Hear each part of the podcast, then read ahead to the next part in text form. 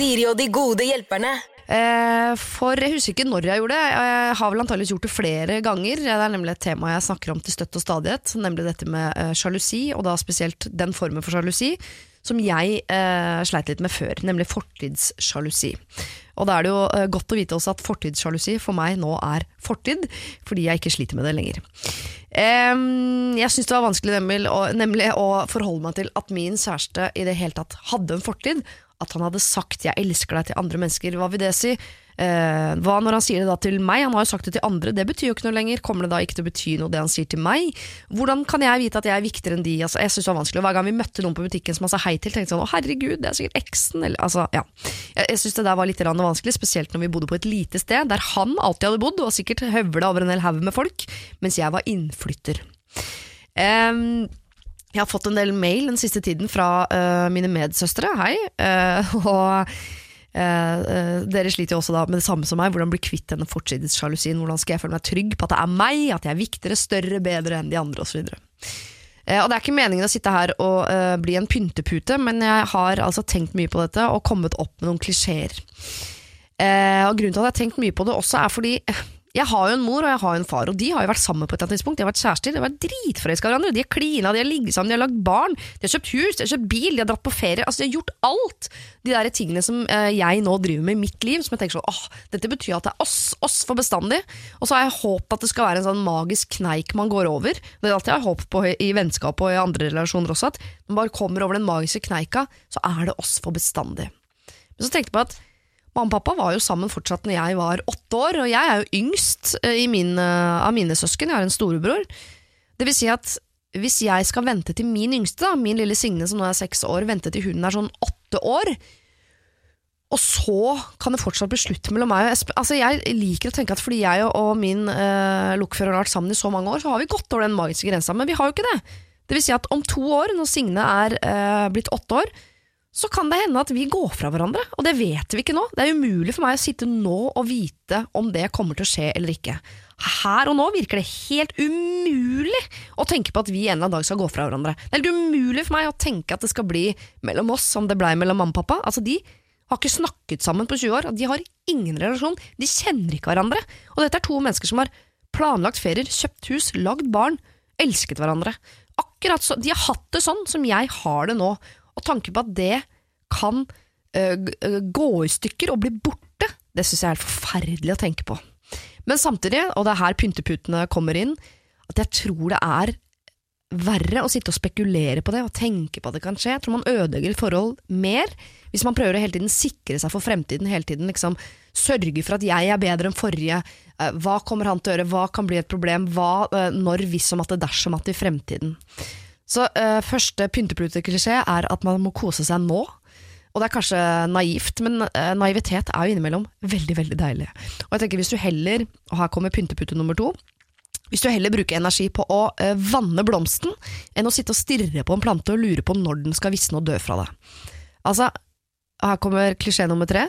Hvis du, slutter, altså hvis du ikke bruker all ledig tid du har på å brannsikre huset, et hus som kanskje aldri ville ha brent ned uansett, og heller bruke tiden på å bruke de møblene som er i det huset Altså, nå roter jeg meg bort i noen eh, metaforer som er helt ute å kjøre. Men altså, poenget er!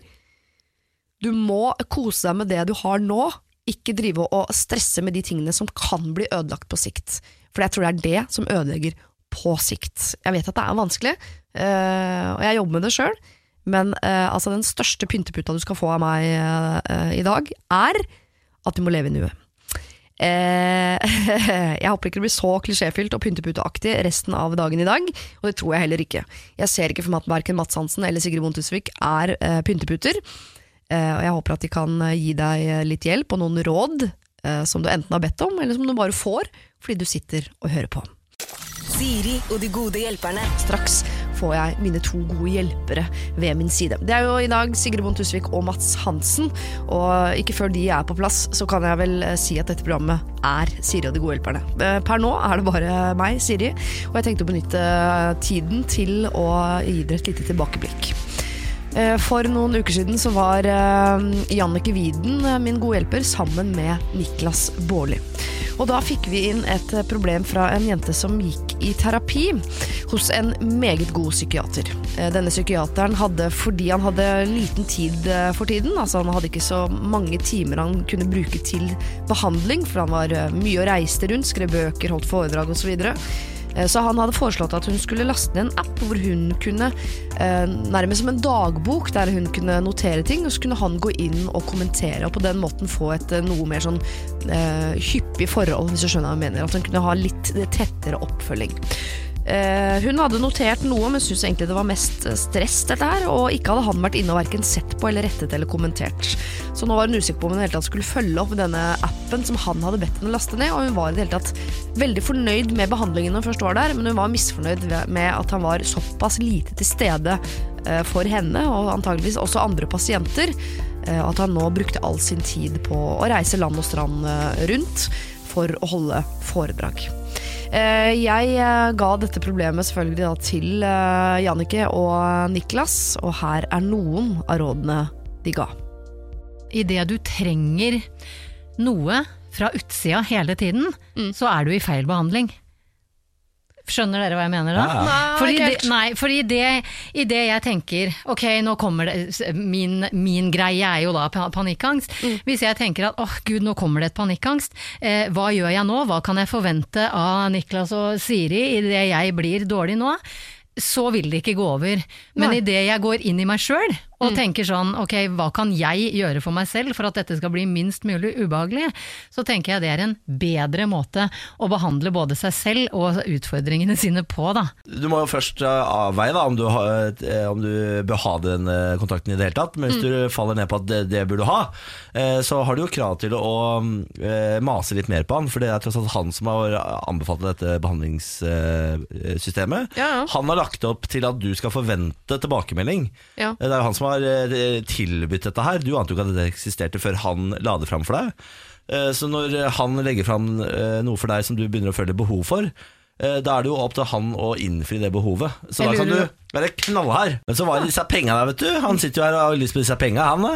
Deilig med pasienter som kommer og betaler støtt og stadig jevnt og trutt. ikke sant? Grusomt. Ja, ja. Og jeg skjønner hvis du er frisør at du liker at kundene kommer tilbake og tilbake, og Ja, ja. tilbake men som psykiater må du jo ha som mål at denne kunden her skal ikke komme tilbake, for hun skal klare seg på egen hånd. I hvert fall ikke ta livet av seg sjøl underveis, sånn at du kan melke kua så lenge det går. Absolutt.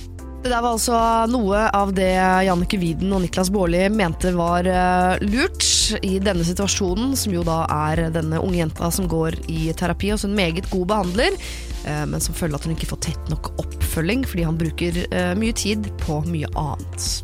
Jeg har nå fått en ny mail fra denne jenta, og hun skriver Hei dere. Jeg hørte på det i dag, og jeg syns det var sykt kult at dere tok opp problemet mitt. Jeg syns rådene var gode, spesielt Jannikes råd, og at jeg er i feil behandling hvis jeg må kreve noe av andre rundt meg hele tiden, og at jeg selv må gå i meg selv for å finne ut av hva jeg trenger når jeg har det vanskelig. Det satt ting litt i perspektiv for min del. Jeg har gått i terapi hos psykiateren min med spiseforstyrrelser i halvannet år, og har aldri blitt møtt med en så god forståelse og omsorg som jeg får hos han jeg går til. Timene er virkelig gode, men eh, jeg syns uforutsigbarheten rundt timene og at oppfølgingen imellom er dårlig, gjør det litt vanskelig. Jeg vet ikke helt hva jeg skal gjøre for å hjelpe meg selv best mulig. Jeg sliter mye med motivasjon for å bli frisk og med dårlig selvbilde. Moren min skal være med på neste time. Da tenker vi at hun skånsomt skal spørre hva psykiateren mener hensikten med denne appen er, og hva han så for seg da han foreslo den, slik som Niklas sa. Hun skal også spørre om hva som kan gjøres videre for å gjøre behandlingen mest mulig forutsigbar og god for min del. På den måten blir mamma den kravstore og ikke jeg. Og det gjør ikke noe siden hun så å si ikke er en del av behandlingen og ikke er med i terapirommet. Det eh, tenkte vi ikke på, rett og slett. Det var fint at du her allerede mener at du er et skritt i riktig retning. Her finner du ut av hva du trenger å gjøre for at du skal få det bedre.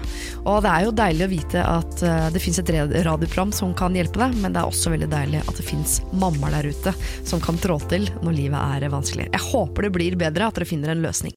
Siri og de gode hjelperne. Og nå har jeg fått mine gode hjelpere på plass. Det er deg, Sigrid Bonde Tusvik. Har du ikke lyd i hodetelefonene Jo da, jeg har lyd, Bare men lavt. jeg liker å høre meg selv veldig høyt, sånn at jeg blir trygg i Ja. På at du er her. Ja. Eh, og god dag til deg, Mats Hansen. God dag. Uh, Jeg har ikke noe egen podkast, så jeg veit ikke hva man skal skru på her. og sånn Jeg bare lar det være som på default eh, innstillinger, tenker jeg. Ja, Men du har deg selv inni hodet nå? Ja, Ja. sånn passe. Ja, Så deilig, da. Jeg har aldri truffet deg før. Er du en Nei. hyggelig fyr, eller åssen er det? Eh, jeg, er- det som er litt rart, er at folk sier Jøss, du er jo overraskende hyggelig. Så jeg, jeg skjønner man jobber med imaget mitt for det er sånn utad. For det, når folk møter meg sånn privat, så sier de du er jo faktisk hyggelig. Og da tenker jeg ja, men jeg tror jeg er det. Men jeg har tydeligvis gitt inntrykk av noe det Er det bloggerne som pleier å si det, når de har snakka med deg litt? Eh, De vil ikke snakke med meg, Nei. så det veit jeg ikke. Men eh, nei, jeg, jeg vil si jeg er en ganske hyggelig fyr. Er ikke det fordi de vet at du antageligvis er smartere enn dem? Det er jo, øh, det er jo derfor jeg er ukomfortabel med å si hva jeg stemmer, for jeg er så redd for at folk skal stille spørsmål om hvorfor, og så klarer jeg ikke å svare. Nei, men er det ikke er, Har Mats Hansen et enormt rykte på å være smartere enn alle? Ikke enn alle, men øh, smartere enn enkelte bloggere. Ja, Har er vel smart. på seg. Ja, du er smart, men sikkert sånn Mensa-smart, da. Ja, jeg er medlem av Mensa. Ja, og det er sånn kjedelig smart. Ja, men Det er jo det som er smart. Men man er ikke altså, Nei, ikke smart, unnskyld. Det Det er høy IQ. Ja, for det er nerd å være medlem av Mensa, ikke smart. Det sier de som ikke er medlem av Mensa. Men det er litt nerd. Jeg er enig i det. Jo, man er smart på ting man ikke nødvendigvis får brukt. For å stable fyrstikker i riktig rekkefølge og sånn er jo ikke noe sånn som man må, må bruke Finne en liksom. rombe blant uh, trekanter og sånn, det er Ja, men- bare tull. Ja, for det, Dere forveksler Rainman med Mensa. det er veldig mange som gjør det. Det er veldig likt, da. Det er jo, altså, du kan si at det er jo å se sammenhenger. Eh, men det er jo ikke sånn i praksis. Det å kunne ha åtte figurer og se mønstre og finne en niende, Ja. er jo ikke noe man får bruk for. Men er du, ikke Line Meister også medlem av Mensa? nei, Nesten. det er ikke Line Meister. Å, hun er ikke det? Hun har, hun har Hun sånn mye, men ikke det. ja, Ja, men jeg føler veldig ofte det er sånn Kristine Nei, hva, hva var det? Hun Rask. Hun Helene var- Rask? Helene Rask var alltid både Mensa-medlem og glamourmodell. Det er alltid sånn en eller annen veldig puppete. Jo, det er gjerne er- hvis de, hvis de scorer litt bedre enn snittet, så blir det hypa at de er mye smartere enn du tror. Men en som er medlem av Mensa, som på en måte Jeg, jeg føler jeg er ganske god til å se hvem som Eller å anslå IQ på folk, da. Ja. Men en som totalt bryter med den, er Frank Løke. Han er med i Mensa. Og jeg mistenker at eh, Nå kommer han sikkert til å høre det her, og det er greit. Jeg mistenker juks. Ja, Jeg ja. mistenker han har fått fasiten på forhånd. Ja, for jeg Ja. må revurdere synet mitt enten på Frank Løke eller på Mensa. Jeg har ikke bestemt meg nå, men annet sted der må jeg gjøre noe. Hva vil du anslå at er min IQ, da?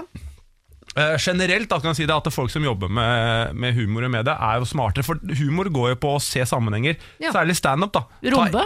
Finne rombe i vitsen? Ja, la oss si at uh, en hverdagslig ting er romben, og så skal du finne tilsvarende figur til en annen uh, sammenligning. Da. Men skal vi tippe på deg? Altså, nå kjenner jeg ikke så veldig godt. Eh, jeg tipper mellom 115 og 120. Ja. Hva er det liksom hva, er, øh, hva må man ha for å komme inn i klubben? Tre må man ha. Nei, man må ha 14 for å åpne en dør, husker jeg lærte på skolen. Ja, men det, Da tror jeg ikke du lever nesten hvis du er 14. Nei. snittet det er jo normalfordelt, så snittet er jo 100. Oh, ja. Så det er, du kan si det er like mange som har 80 som har 120. ja. Uh, og Mensa er jo da 131, er det vel. Det er øverste to prosentene. Ja. Eh, så du ligger da, hvis jeg skulle tippe, sånn rett i underkant av det. Rett i underkant av Ja, 130. si at du da er øverste 20 nå, da. Ja. Hvis jeg skulle tippe. Men uh, dette er ikke en Sigrid som kjenner deg veldig veldig godt, hva vil du, Ja, vil du bifalle? jeg har jo nevnt da tallet tre, så jeg står for eh, tallet tre, jeg da. Ok, greit. Og amøbenivå er jeg. Det er ikke så farlig hvor intelligente dere er. Eh, Det er ikke så farlig hvor mye kunnskap dere har heller, som er jo en annen kvote. Eh, Kulturell kapital trenger dere heller ikke veldig mye av. Det dere Bra. trenger her, er å klare å på en måte eh, hente fram noen erfaringer, kjenne på magefølelsen, og bare ta noen moralske veivalg i andre menneskers liv. Hvis du som hører på har et problem du vil slippe løs på Sigrid og Mats, så send det inn til sirialfakrøll.radio1.no. Siri og de gode hjelperne. Mail oss på siri at radio1.no. Første problem eh, jeg har tenkt til å slippe dere løs på, kommer inn fra en som eh, heter Leonore. Her står det. Jeg trenger råd, og det fort. Jeg skal møte svigers for første gang, noe jeg gruer meg til. Jeg og kjæresten min, la oss kalle henne Mette, har vært lykkelig forelsket i ni måneder nå, og ting kunne nesten ikke vært bedre. Nesten. Problemet ligger nemlig i det at vi er et lesbisk par. Dette er begges første forhold med en annen jente, noe som gjør det nytt og spennende for oss. Det er ikke sånn at vi har vært undertrykte lesber før med frykt for å komme ut, men det er bare at vi fant hverandre på rett sted til rett tid. Min familie tok dette kjempebra, møtte Mette med åpne armer, hun har blitt en del av vår familie. Mettes foreldre derimot taklet ikke eh, nyheten like bra, og har vist en annen side av seg selv, og er veldig fordomsfulle og trangsynte mennesker. Eh, Dette har gått veldig hardt inn på Mette, eh, for selv om faren har snudd eh, på sikt, så nekter altså moren å akseptere oss som par. Hun sier hun hadde sett for seg en svigersønn. Dette har ført til at Mette nesten ikke har kontakt med moren sin, og har ikke hatt det det siste halvåret. Og jeg gjør mitt beste for å være der for Mette, og vil ikke gi henne noen ekstra byrder. Men jeg merker at det er sårt at moren hennes ikke vil vite av meg. Men nå den siste uken har det tilsynelatende snudd. Moren til Mette har invitert meg på middag og sier at hun vil ta meg imot som hvem som helst av venninnene til Mette. Greia er at ettersom alt dette har skjedd, vet jeg faktisk ikke om jeg er klar for å møte henne. Jeg skjønner at dette er en utstrakt hånd fra hennes side, og etter mye om og men så har jeg bestemt meg for at jeg skal være med på middagen for Mette sin skyld. Men hvordan skal jeg være i denne middagen? Skal jeg late som ingenting, eller bør jeg stå opp for oss og utfordre hennes holdninger? Med vennlig hilsen Leonore. Jeg skulle begynne å spørre Leonore om det var gutt eller jente, men det skjønte jeg etter hvert i spørsmålet. Ja. Med kodeordet lesbisk. Ja, for det er ofte et, et hint. Ja, jeg er enig. For en, IQ, for en så smart fyr som det Jeg ser er jeg imponert. Jeg ser sammenhenger mellom lesbisk og kjønn. Det er veldig bra. Ja. Og fordomsfullt, selvfølgelig. Det skal man sikkert ikke gjøre, det er krenkende, Det er krenkende for der noen, ja. ute. Det vil jeg tro. Men eh, ja, det var jo veldig interessant spørsmål, da. Ja. Hva sier du, Mats? Jeg vil jo tenke Altså, Foreldre liker barna sine, så første tips ville vært å liksom oppføre deg og kanskje kle deg som dattera, som Mette. Oh, ja. Bare sånn at de tenker 'Å, hun er som dattera mi, jeg liker dattera mi', da liker jeg Leonore også. Oh, Ja. det var smart! Eh, som, en, som en start, da, for da gir du, i det du går inn døra der, det er vel første gang de møtes. Mm. Eh, det er en sånn grei åpning. Og så tenker jeg også at de vil sikkert ha en svigersønn først og fremst fordi de ønsker å bli besteforeldre. tenker jeg. Og hvis du da kommer inn, kanskje setter fra deg gangen Jeg har bare noe brosjyrer her, hvis det er noe med noe sånn surrogati og liksom sånn, vise at det, du skal, dere skal få besteforeldre. Ja. Det at dattera deres er lesbisk, er ikke noe hinder for at dere skal bli besteforeldre. Må komme en høygravid. Ja, enda, men det spørs om hun rekker det. Ja, det er det virkelig ikke det. Ja. Kan ikke komme med brosjyrer med en gang. Det blir kanskje litt flashy. Det er veldig Det er å overkjøre. Ja, det kan bli kanskje Men sånn, du skal tilsynelatende skjule det. Nei, men da har det gått for langt i forholdet. Jeg, jeg trekker tilbake det. Ja. Men, du Men det kan jo hende at jeg synes temaet ikke du kommer skal opp. trekke tilbake og kle seg litt likt. Det var Mm. veldig lurt, og egentlig litt juks, da.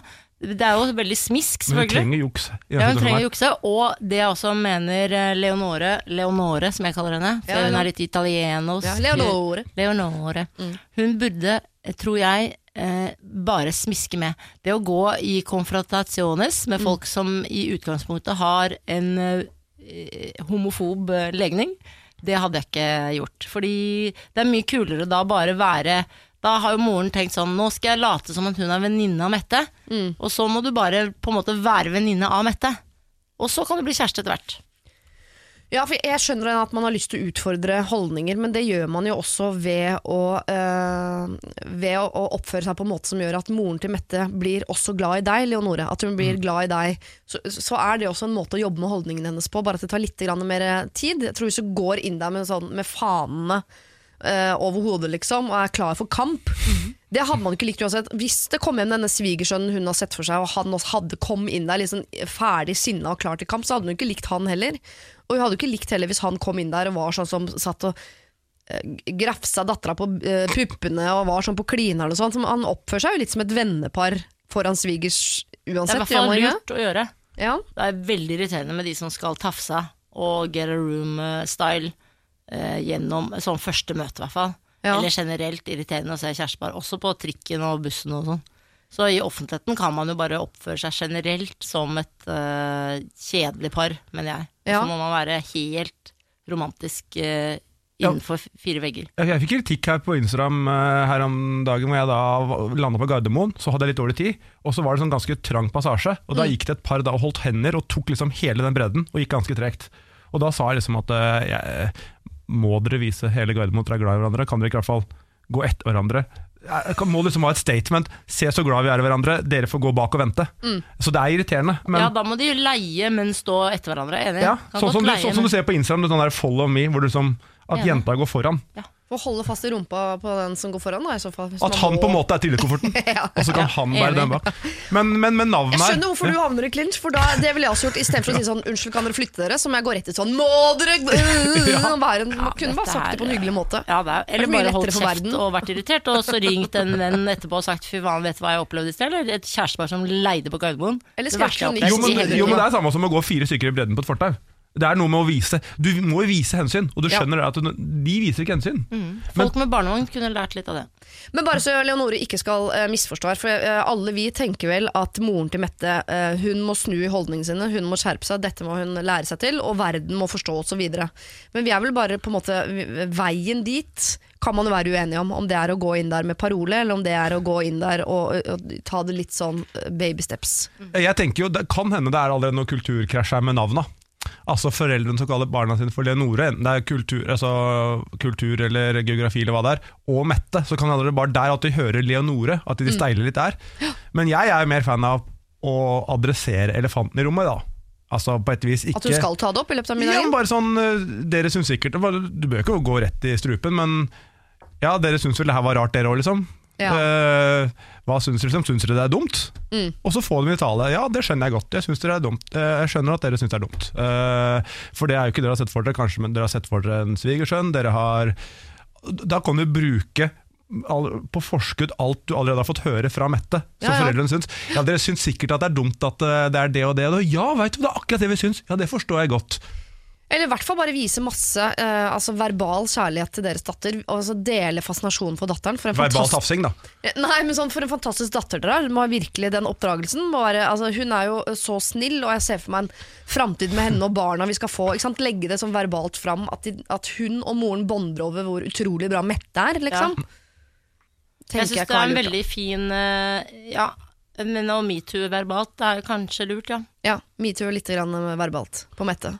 Og så finne noen felles fiender. Det er, det er den fremste veien. Hvis du veit uh, moren til Mette misliker noen, Mm. bare sånn nevn det i forbifarta. Ja, jeg, må, jeg håper ikke dere liker han, altså, men uh, la oss si da at mora til Mette ikke liker Frank Løkke. Ja, Eller ikke liker f.eks. Den eh, julelåta du er med på. La oss si det, da. For det er jo eh, Det splitter jo Norge. Og det Ja, Rein Alexander er ikke fan. Nei. Og da mener jeg at da kunne man tatt den praten.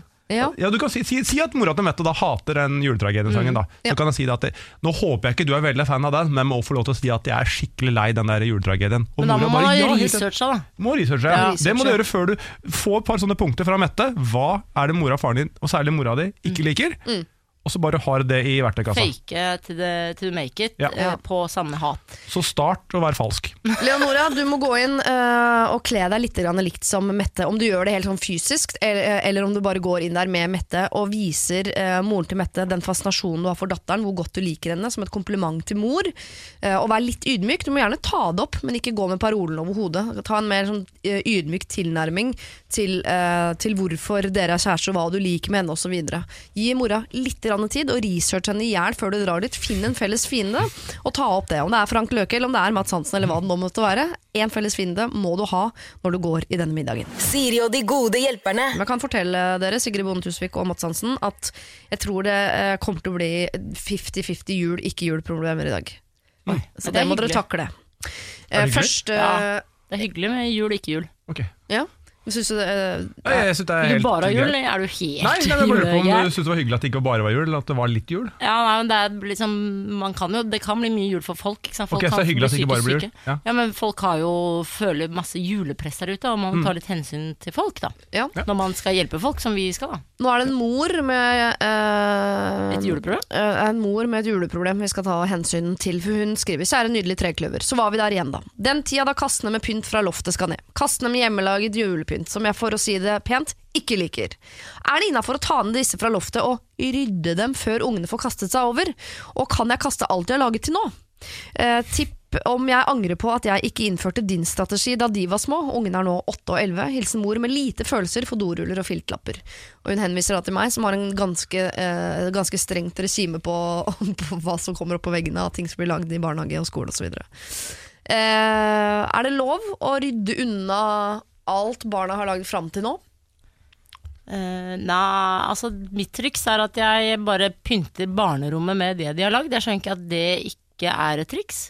Er du triks, putter bare alt inn på barnerommet, så ser de de tingene de har lagd. Ja. Så får de en sånn tradisjon at de må forholde seg til sine pinnenisser og dassrullenisser.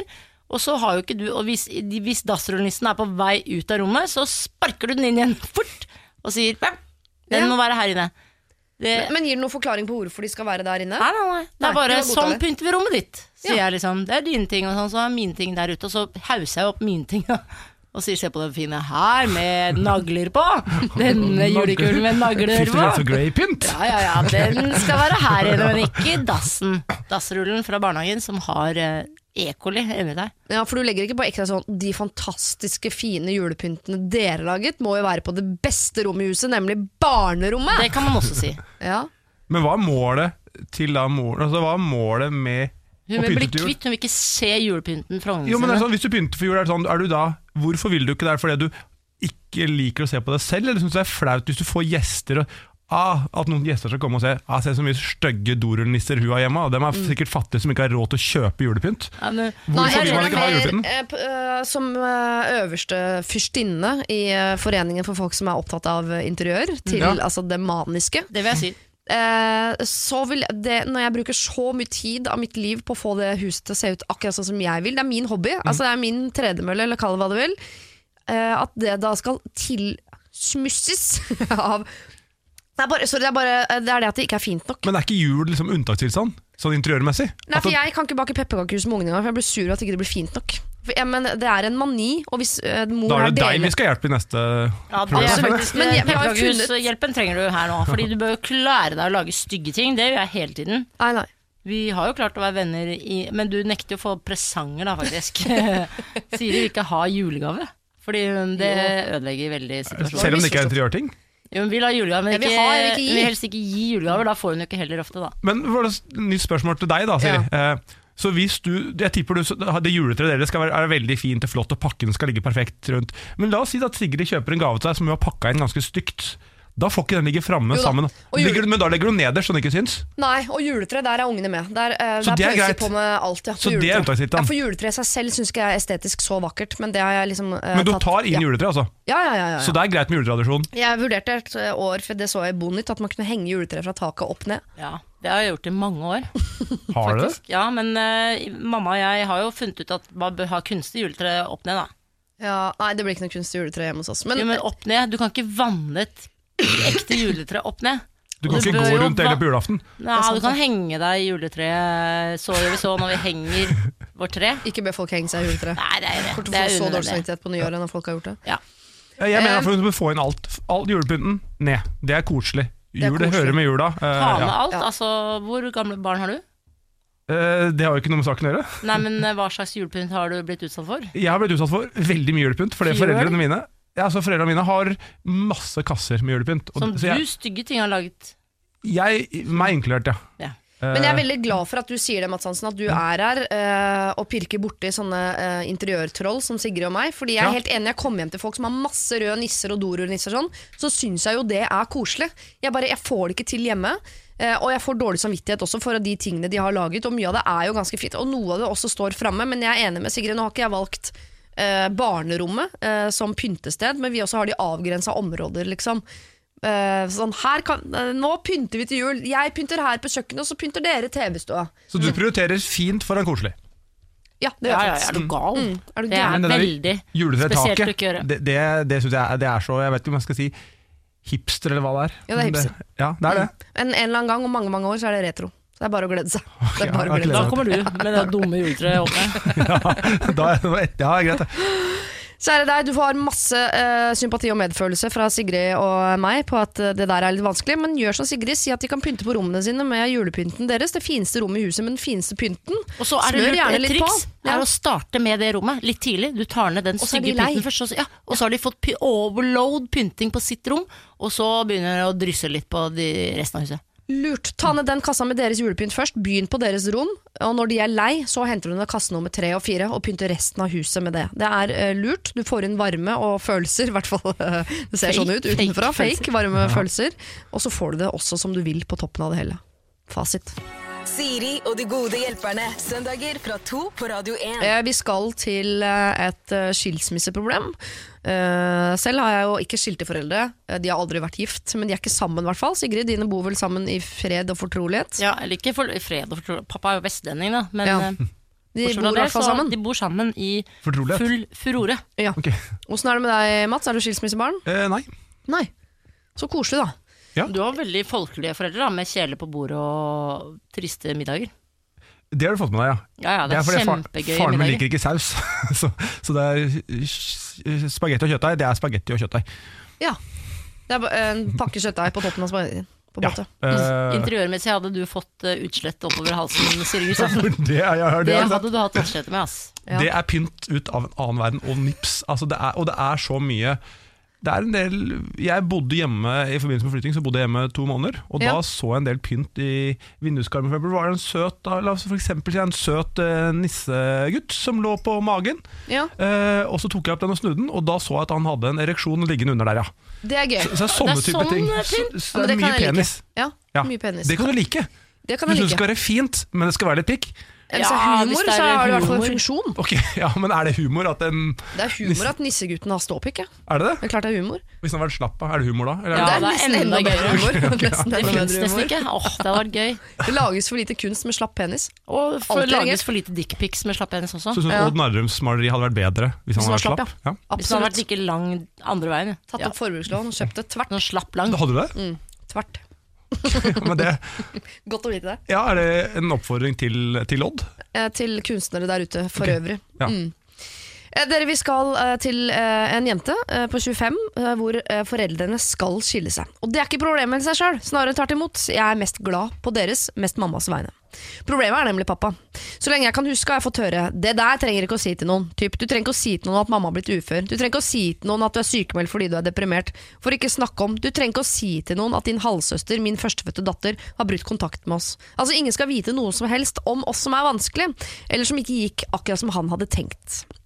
Lenge gikk jeg rundt og var livredd for å si noe som helst, men etter at jeg flytta ut, hadde jeg blitt en åpen bok og trives egentlig godt med det. Men så fort jeg er i samme rom som pappa, så fryser jeg helt. Mamma og jeg har alltid hatt veldig godt forhold, og det tror jeg er mye takket være at vi faktisk snakker sammen. Om alt. Hun har vært ærlig med meg og sagt at de to skal gå fra hverandre. Hun har fortalt det til andre utenforstående også, søstrene sine, venninner osv. Problemet er at pappa ikke vet at jeg vet, eller at noen andre vet, for han later som ingenting. Jeg har veldig lyst til å bare si det til han, men hvordan skal jeg gå fram? Jeg er så redd for at han skal klikke og gjøre det, eh, gjøre det eh, altså sånn at det skal gå utover mamma. Han kjefter aldri på meg, han kjefter derimot på mamma. Så hun får altså huden full. Eh, og så må hun videre, videreformidle det til meg senere. Så hva skal jeg gjøre? Kall meg hva du vil, jeg veit du liker det. Da går jeg for eh, Oi, Ja. såpass modig Ja. at du valgte Klara. Jeg, jeg skjønte Altså, er det altså Ja, faren altså, vil ikke at eh, hun, hun, hun Faren tror at hun ikke vet at foreldrene skal skilles? Er det sånn å forstå? Ja, hun har lyst til å si til faren sin at hun vet det. Ja, men altså Så jeg regner med de bor sammen har, Eller har bodd sammen fram til nå? De bor sammen fortsatt antagelig, da, mor Ja, og faren. så faren da vil at den illusjonen om at de er gift og bor sammen, skal fortsette selv etter de har flytta fra hverandre? Ja, for de kan hun ikke vente til eh, de har flyttet Eller hun er jo litt, åpenbart litt redd for faren sin, Ja. som jo er ganske kjip, dame. Det er mange sikkert som er. Eh, så det skal man ikke Man kan ikke kanskje ordne opp i alt det, men jeg er veldig fan av å si ting rett ut. Jeg har jo bomma på det veldig mange ganger i min slekt, så jeg har fått mm, ofte kjeft og fem år på å skjerpe meg. Men likevel så står jeg i at jeg har eh, gjort det. Jeg mener at eh, du må bare venne folk til, og at folk må skjønne at åpenhet er det aller, aller beste.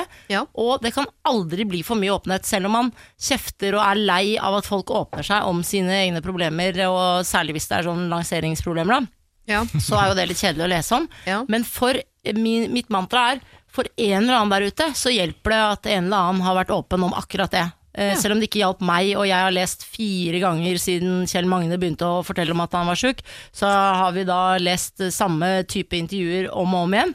Men kanskje akkurat for en eller annen eller to Nå snakker du stykker om mediestrategi. Ja, men eh, det samme med inn, innad i gruppa. Ja. Jeg mener akkurat det samme. Bare pøse på. Men Være åpen, være åpen, være åpen. Hvem og da må du stå i at det blir kjeft. Fordi da må du si til moren din først Nå kommer jeg til å konfrontere pappa med at jeg eh, sier at dere skal skilles.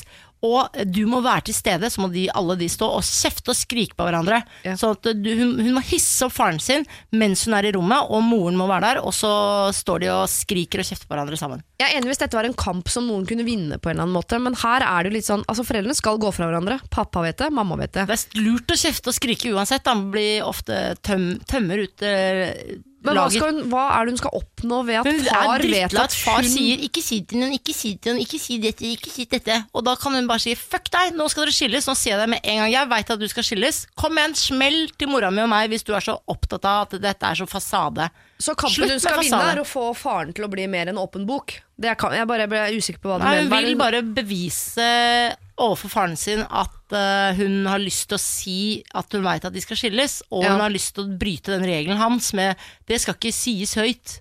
Men jeg skjønner ikke problemet her. Altså, for er det sånn at, at De skal jo skilles, men de vet ikke at hun vet ennå. Jo da, Moren moren vet. har jo Ja, mor, det. ja, men faren vet ikke.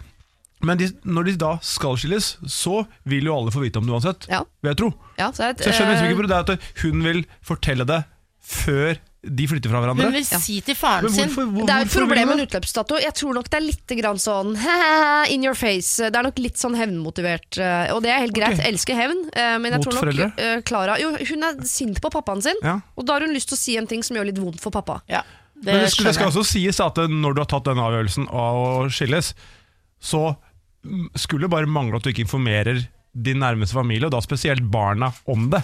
Så hvis da faren blir sur på Hvis du sier 'jeg vet jeg skal skilles', og han blir sur, hvordan veit du det? Selvfølgelig, mora mi fortalte meg det, det angår meg. Selvfølgelig har hun sagt det. Ja. Det, det, er jo Det er, det, altså det er en Hun, får, hun må gå i konfrontasjon. Man sier jeg er så lei av at du er så opptatt av fasade. Det er så gammeldags å være, og det er bare tull å være. Det har aldri gagnet noen å drive og holde skjult ting. Kanskje det er det også hun skal uh, si, da. At nå har du vært opptatt av fasade hele veien, at ingen skal si noen ting. Se, uh, se hvordan det gikk.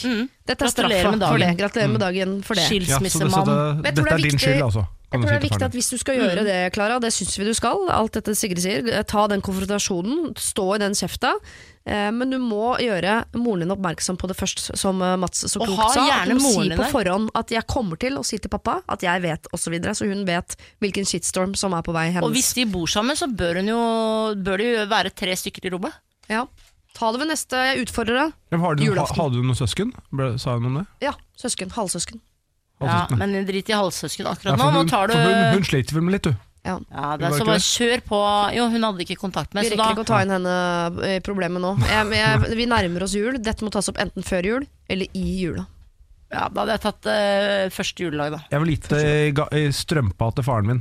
Julestrømpe. Jeg veit det skal skilles. En lapp. Kan jeg bare ta et triks vi har i vår familie, for vi krangler helt sykt mye. Ja. For alle har dårlig humør i, på forskjellige tider. Mhm. Vi er fire stykker da i gruppa, vil jeg si. Ja, Da tar jeg ikke med han jeg bor med og mine to barn. Nei. De er også fire, faktisk, men nå snakker jeg om mamma, pappa og søsteren. Nå har du brukt opp tida di på å forklare alt Vi rundt. Ja. møtes lille julaften og krangler masse for Ja. å være venner julaften. Hvis vi skal være sammen på julaften. da. Nå skal Ja. jeg til Lier, så nå gidder jeg ikke å møte Ikke si Lier familien. med forakt, er du snill. Som andre ord, ta det opp på, først, nei, på lille julaften. Ja. Siri og de gode hjelperne. Søndager fra to på Radio 1. Hadde du ikke lyst til å dra på aftershave fra før, så får du i hvert fall det nå. Ava Max Sweet But Psycho. Altså Jeg har på slalåmskia hjelm og ha- halvliter hånda hver gang jeg hører den Du ser dritfin ut. Du vet hvem som har lagd låta? Produsert den? Nei. Tix. Er det sant? Så Tix han har en låt på topp 15 i verden. Har så Oi, rik, han. så kult! Ja, jeg tror ikke han, mye, ja, han er rik, ja, men jeg tror ikke han tjener mye på det her. Nei, men russelåt tjener Ja, ja. 6 millioner kroner på Ja. russelåter hvert eneste år. Ja, ja, men han kan mer, geni. åpenbart. Men han er jo ikke geni når han leier inn 200 000 Securitas-vakter for å ødelegge VG-lista topp 20. Så det går jo litt i minus der, da. Dette er en historie jeg ikke kjenner til. Var det ikke Tix som gjorde det? Jo, han, eh, han lage, hadde bestilt radioer og alt, han men skulle kjøre låta båt sin. inn utafor der og dunke på låta si. Han er veldig dårlig økonomisk, så han stunter. Men jeg vurderte noe Han var ikke invitert til VG-lista, så han skulle stå i båt på utsida Ja, der ja, og spille høyere musikk, og hadde leid inn Securitas-vakter i hele Norge som skulle Åh, det er pubertalt, jeg elsker det. Men jeg vurderte jo, jeg var jo egentlig ikke tiltenkt VG-lista topp 20 i år, så jeg tenkte bare som morsomt stunt, da, for jeg lå øverst på lista. Ja. Tenkte å sette opp ved siden av VG-lista topp 1-showet. Ja, Uh, og bare sette opp en sånn egen sånn speakers corner og bare synge sommergruppen, ja, Og så som en sånn statement, da. ja og Men så ble jeg invitert, da, så det greit. Ja.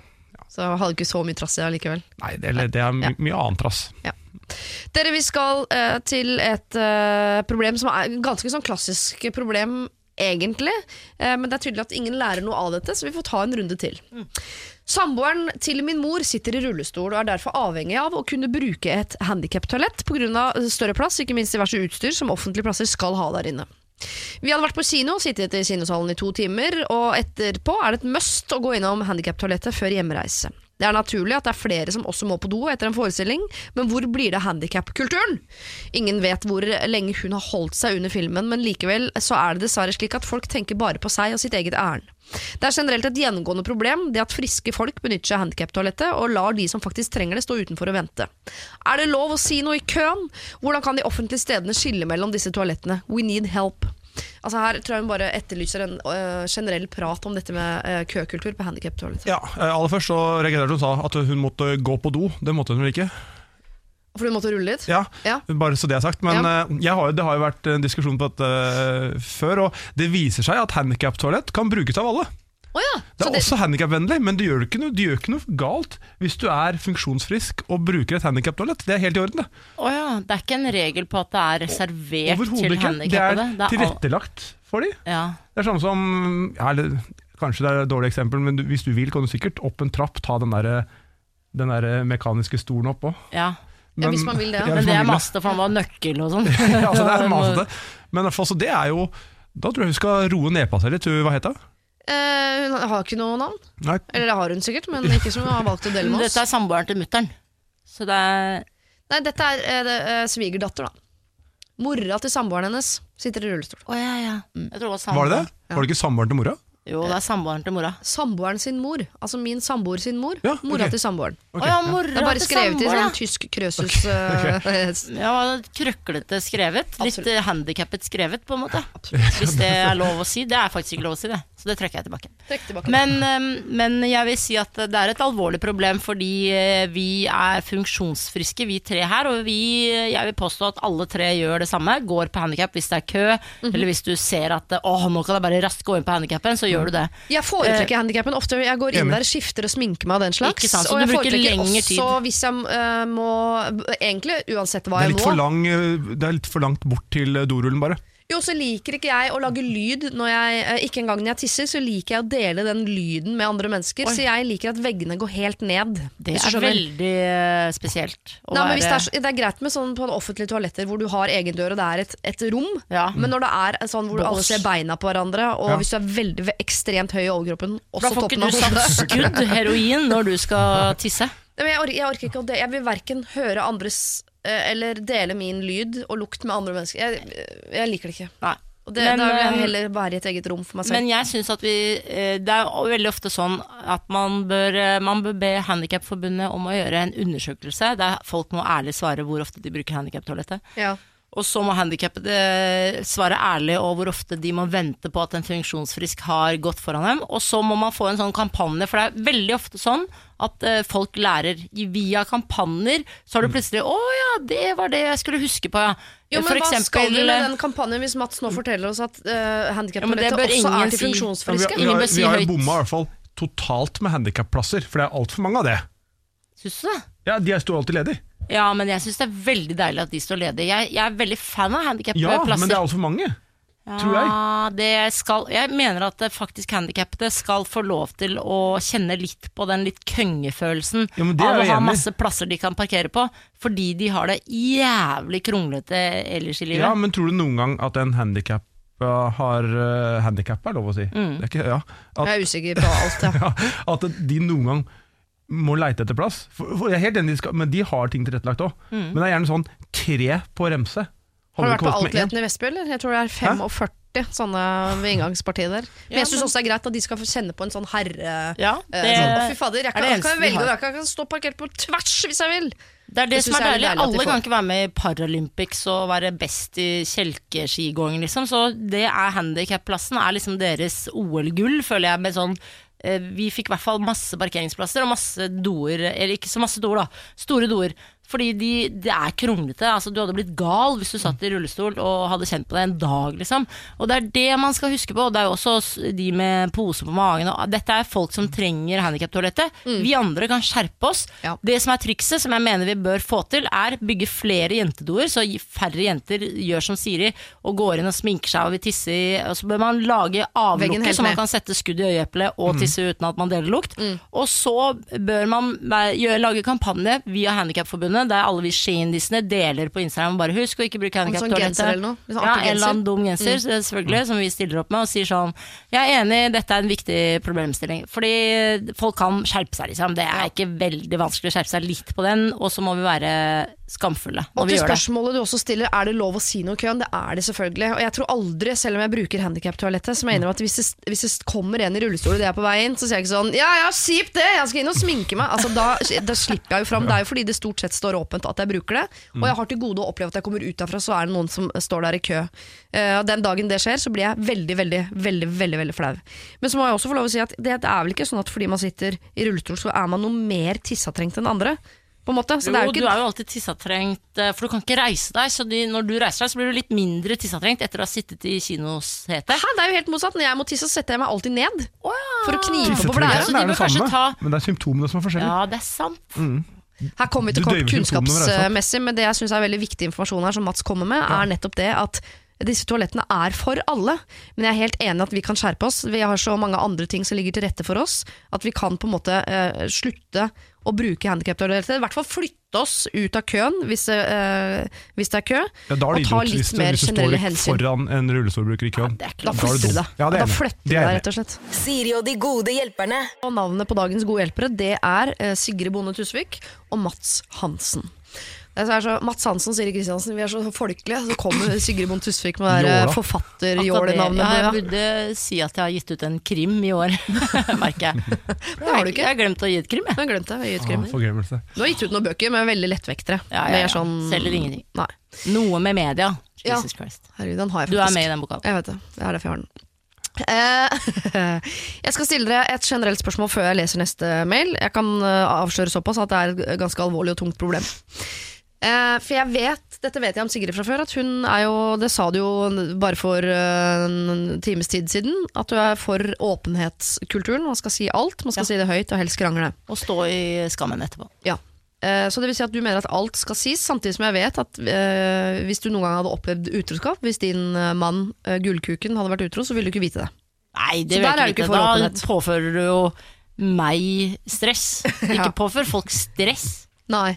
Så derfor Fordi så spør jeg litt åpent hvor, eh, hvis man sitter på informasjon eh, som man tenker at kan være relevant for andre mennesker, men det kan også komme til å gjøre veldig, veldig vondt, hvor åpen skal man være? Har dere noen generelle tanker om det? Det er et uh, godt spørsmål for å begynne der. Uh, Tusen takk. Jo, vær så god. vær så god. Bare si, Skulle tro du jobbet jobber si profesjonelt med dette, Siri. Det er jo sånn uh, tvega sverd der, for det er jo På en måte så vil du gjerne ikke la oss si venninna di noe vondt da, ved å gi den informasjonen, Mm. men hvis du samtidig opplever at andre vet det, at det blir sånn at noen nesten ler bak ryggen til vedkommende fordi hun ikke vet det, Mm. så fremstår hun litt dum også. Ja. Så det er sånn jeg vet, det, det er lettere å ta altså, en konkret sak å gi svar på, tror jeg. Det er jo ikke noe sånn fasitsvar generelt, er det det? Det skal dere få. det skal dere få sammen. Men nå, eh, bare fordi nå tror jo dere at det skal handle om utroskap, la meg gjøre det eh, tyngre. Hvis du sitter på informasjon om et menneske som eh, Hvis informasjonen stemmer, så må du ut. Stemmer det ikke, så har du ødelagt vedkommendes liv. Skal man da Hvis det ikke stemmer, så har du ødelagt livet. mm. Ja, Da må du jo ikke si det hvis det ikke stemmer. Nei, men det Da må det jo sjekkes noe inn i granskauen, da. Ja, sjekkes. Så du sier at du, uansett så er det noen som er fucka, hvis du går ut med det. Eller uansett hva du gjør, så er det noen fucka. Ja. Eller hvis du Hvorfor, hvorfor må du ut? Ja. Jeg tror jeg bare skal lese mailen, ja. Ja, Ja, det gjøre det? Mm. Hei, Siri og de gode hjelperne. Jeg har et ganske merkelig problem som jeg har tenkt en god stund på. Jeg må ta dere tilbake til jula i fjor, da jeg var på fest på mitt hjemsted. Den gang ble jeg nokså dritings på vorspiel og dro ut med en tequila-tørste som lyste lang vei. Jeg møtte en gammel klassekamerat av meg eh, og skalla han Magnus. Magnus var en av mine kompiser på ungdomsskolen, og vi satt ofte i timen eller friminuttet og hadde en artig og litt flørtete, vennskapelig tone uten at det ble noe mer enn det. Uansett så ble jeg kjempeglad for å se han igjen på denne festen eh, forrige jul, da jeg ikke hadde sett han på mange år. Men så til problemet. Jeg spurte om hvordan det gikk med han sånn ellers i livet. Da sa han med en litt spøkete, men også litt alvorlig tone at han hadde det ikke så bra, og han sleit med litt forskjellig. Praten gikk videre, og jeg spurte om han hadde noe på gang med noen, og han eh, sa han holdt på med noen av og til, men det ble aldri noe seriøst. Men så så han på meg et, med et ganske intenst blikk, og fortalte at jeg er egentlig mest interessert i barn, jeg da. Hvorpå jeg lo og tenkte at dette måtte være en spøk, men så lente han mot meg en gang til og så på meg alvorlig igjen og sa, men helt seriøst, jeg er det. Disse ordene ble formidlet gjennom ganske høy musikk, og jeg må innrømme at jeg hadde, eh, har hatt mer edruelige øyeblikk i livet mitt enn akkurat den kvelden. Så i ettertid så jeg bare avfeide det litt inni mitt eget hode. Dette er fyllevås, tenkte jeg. Det er en misforståelse fra min side. Men i etterkant har jeg tenkt på dette mye. Jeg har ikke sagt det til noen andre. Jeg har også tenkt på hvorfor sier han dette akkurat til meg, det, når det er såpass kontroversielt. Spørsmålet mine til dere er som følger. Hva tenker dere om dette? Hva skal jeg gjøre med den informasjonen? Bør jeg helt tatt gjøre noe som helst med den informasjonen? Bør jeg si det til noen andre? Skal jeg ta det opp med han neste gang jeg ser han? Jeg er usikker på når jeg eventuelt kommer til å møte han igjen, da han er ute, nokså sjeldent. Men det er jo mulig jeg møter han nå i jula igjen. Hvem vet? Det er noe tilleggsinformasjon her også. De er 24 år gamle. Eh, Hun kommer på et eller annet tidspunkt til å flytte tilbake til dette lille tettstedet hvor de bor. Det bor ikke så veldig mange der, det er et sted hvor alle kjenner alle. Og det eh, Karoline, som jeg vil at vi skal kalle henne, eh, lurer på da, som dere skal få tenke litt på mens vi hører musikk, er hva hun skal gjøre med informasjonen hun har fått, som hun vet svært lite om, annet enn at det er en setning som ble sagt i fylla. Siri og de gode hjelperne. Mail oss på siri at radio1.no. Men dere, vi er jo midt i et problem, så la oss ikke sause det til. Nei. Eh, Det er Karoline som har sendt inn et problem. Hun var hjemme i sin hjembygd i fjor jul, hvor hun snakker med en gammel klassekollega, eh, som det jo heter, en klassekamerat som hun hadde eh, godt forhold til, som på et tidspunkt i grisefylla slumper ut med en setning to ganger, ser på henne alvorlig, og mer eller mindre forteller at han liker barn på den måten. Hun vet jo ikke om, denne, om hun har hørt feil, eh, om det ikke er det han har ment. Altså hun, hun vet ikke noe mer enn akkurat det, men han klarer ikke å slutte å tenke på det og lurer på hva hun skal gjøre med den informasjonen hun har fått. For det første, han har sagt det, det er bare så ubehagelig at hun har tenkt ja, hva, hørte jeg riktig, bla, bla, bla. Hun har ikke hørt feil. Og hun husker det. Man husker, det er sånne ting man husker selv om man er drita. Så er det bare sånn ding, du blir litt sånn litt for edru akkurat da, og så blir du drita igjen, og så tenker du Magnus okay. våkna med litt fylleangst, eller? Hvordan han tilsto pedofilien sin. ja, det er det. ja. Man må huske på at pedofili er jo dessverre da mer utbredt enn man kunne ønske. Og menneskedyret er skapt eh, sånn at det finnes blant oss. Så Hva er forskjellen mellom utøvende og ikke-utøvende pedofile? det er nettopp det. Det er Jeg hadde skutt går... meg sjøl i trynet hvis jeg var pedofil. Så jeg merka en dag at jeg tente på barn, så hadde jeg eh, gjort noe med problemet, altså meg selv. Ja, men du hadde jo på en måte da eh, prøvd så mye du kunne, kanskje du da, Siri, vi- Ja. siden du er en, et grundig menneske, som jeg opplever, opplever deg som, Ja. at du hadde da dempet liksom lysten din på eh, barn med å skru av kanskje ikke følelsene så mye triks. du kan. Ja, så du blir sånn du gjemmer deg jo veldig ofte. Det er jo det vanskeligste et menneske kan oppleve, er jo å oppdage at du er Det var har en grusom side. Ja, for det mange sier at hvis du, som sier, altså, hvis du er forelska i feil dame, så sier de se for deg at du bæsjer. Det er ekkelt. Ja. Men det er kanskje rart at du skal sitte og se for deg at de barna bæsjer. på Ja, ja, ja. Det er liksom din måte å avseksualisere dem, da. Ja, det er jævlig vanskelig. Altså, øh, men øh, jeg hadde jo spurt han på Messenger. For eksempel, da, hvis ikke de er venner på SMS eller på Telefjonk, Mhm. så hadde jeg spurt ham på Messenger. I fjor så sa du dette til meg i fylla. Mm. Jeg syns det var veldig fint at du sa ifra om det. Altså at man ikke liksom påfører skam. Men han sier sånn Er det noe jeg kan hjelpe deg med, og jeg vil gjerne vite om du har søkt noe hjelp. Fordi det her kan, man, folk kan hjelpe deg med dette, du vet det. Og så må man gjøre litt research med hvem som kan hjelpe, så man kan gi litt tips. Eh, og så bor de jo et lite sted, da, så det er litt vanskelig å få hjelp eh, på et lite sted ofte. Så man må dra ofte til litt større steder for å få mm. profesjonell hjelp.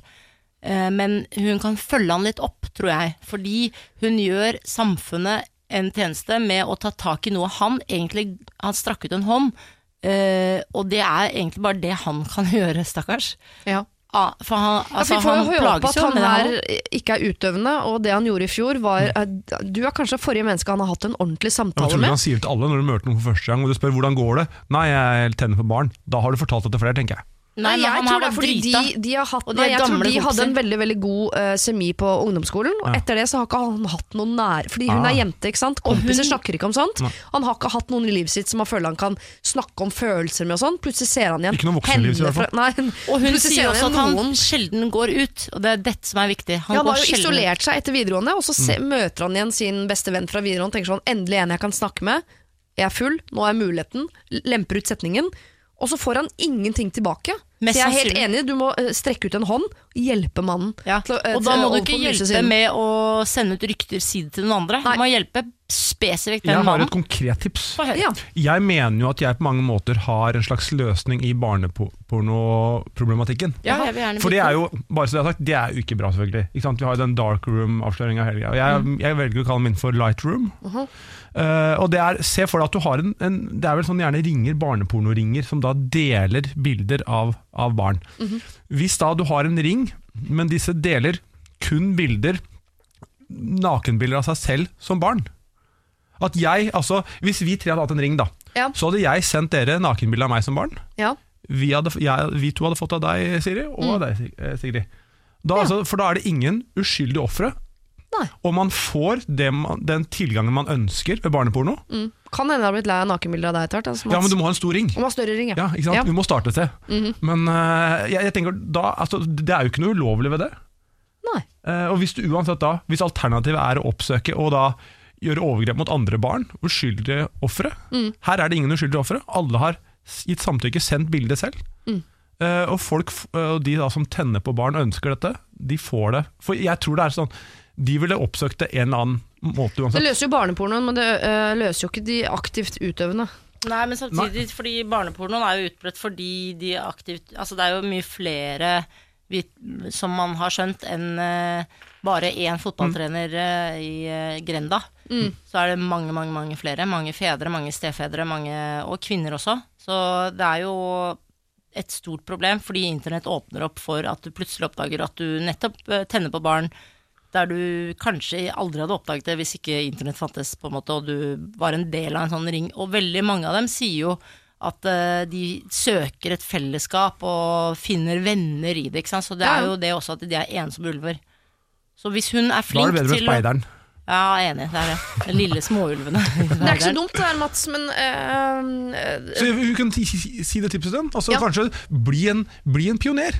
Men jeg mener at hun hvert må Hun burde også egentlig melde til noen. Hun burde researche seg fram til hvem som håndterer sånne ting i nærmiljøet eller i den nærmeste byen, ja. og finne et navn, sånn at hun konkret kan gi et navn til eh, Magnus. Men hva googler du da?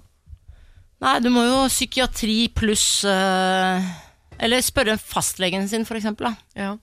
Først og fremst så kan vel nå, i og med at det nærmer seg jul, si sånn Jeg eh, kommer hjem til jul igjen. eh, og treffer deg gjerne. Jeg husker at du fortalte meg noe i fjor som ikke vi snakket noe mer om. Men eh, noe i meg Jeg har ikke liksom klart å la være å tenke på det i det året som har gått. Og noe forteller meg at dette her er noe du har mer bo, altså, behov for å snakke mer om. Sa han barn, eller sånn? unge? Barn. Han sa barn, ja. Mm. Ok, For da kan det ikke være 19-åringer, liksom. Nei. Nei. Nei. Det er rart å komme sånn eh, drunk confession. Jeg liker 19-åringer. Jeg jeg. liker russ. Ja. Nei, det synes jeg du, hvis du har det i deg, Karoline, så synes jeg det du skal gjøre. Du skal sende han en melding eller Messenger eller hva du nå måtte bruke av teknologiske hjelpemidler. Eh, strekke ut en hånd til han, si at du gjerne vil treffe han, Og gjerne hjelpe han. researche litt, da. Ja, og researche litt rundt, men i hvert fall på en måte bare være tilgjengelig og prøve å finne ut av hva dette her er for noe, og være tilgjengelig for han og hjelpe han. Eh, og i hvert fall starte der.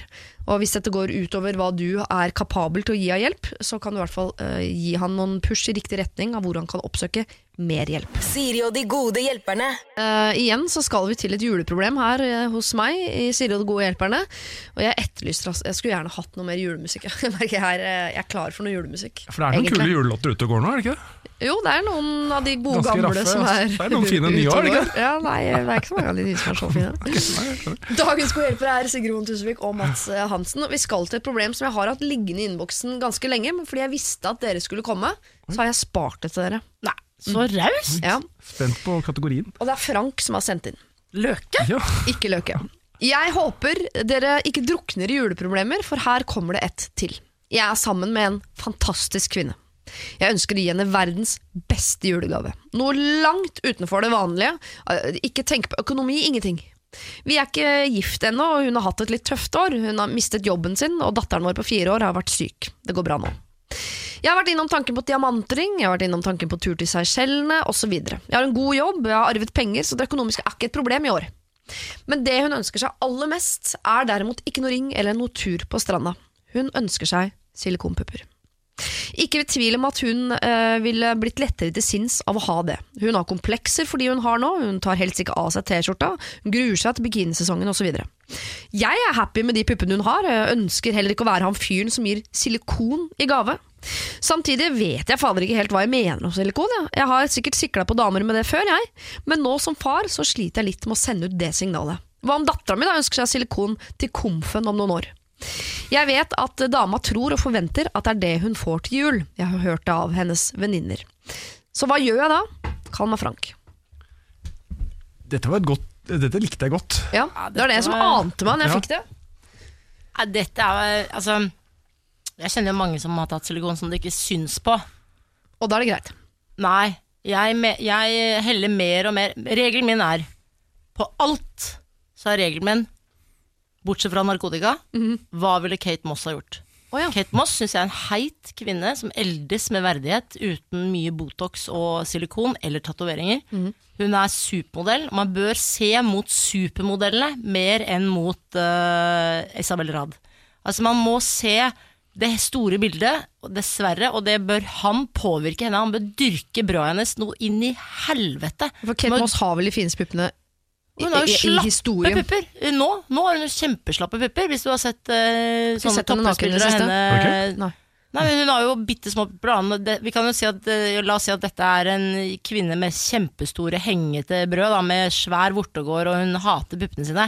Og Ja, det vet vi jo ikke om de er bitte små, at hun vil ha de større, eller om de er store, at hun vil ha de ned og faste. Det Eller vet hun vi vil ha ikke. de opp og ut og dritdigge, da. Ja. Eh, som regel. Det vil som regel alle kvinner ha.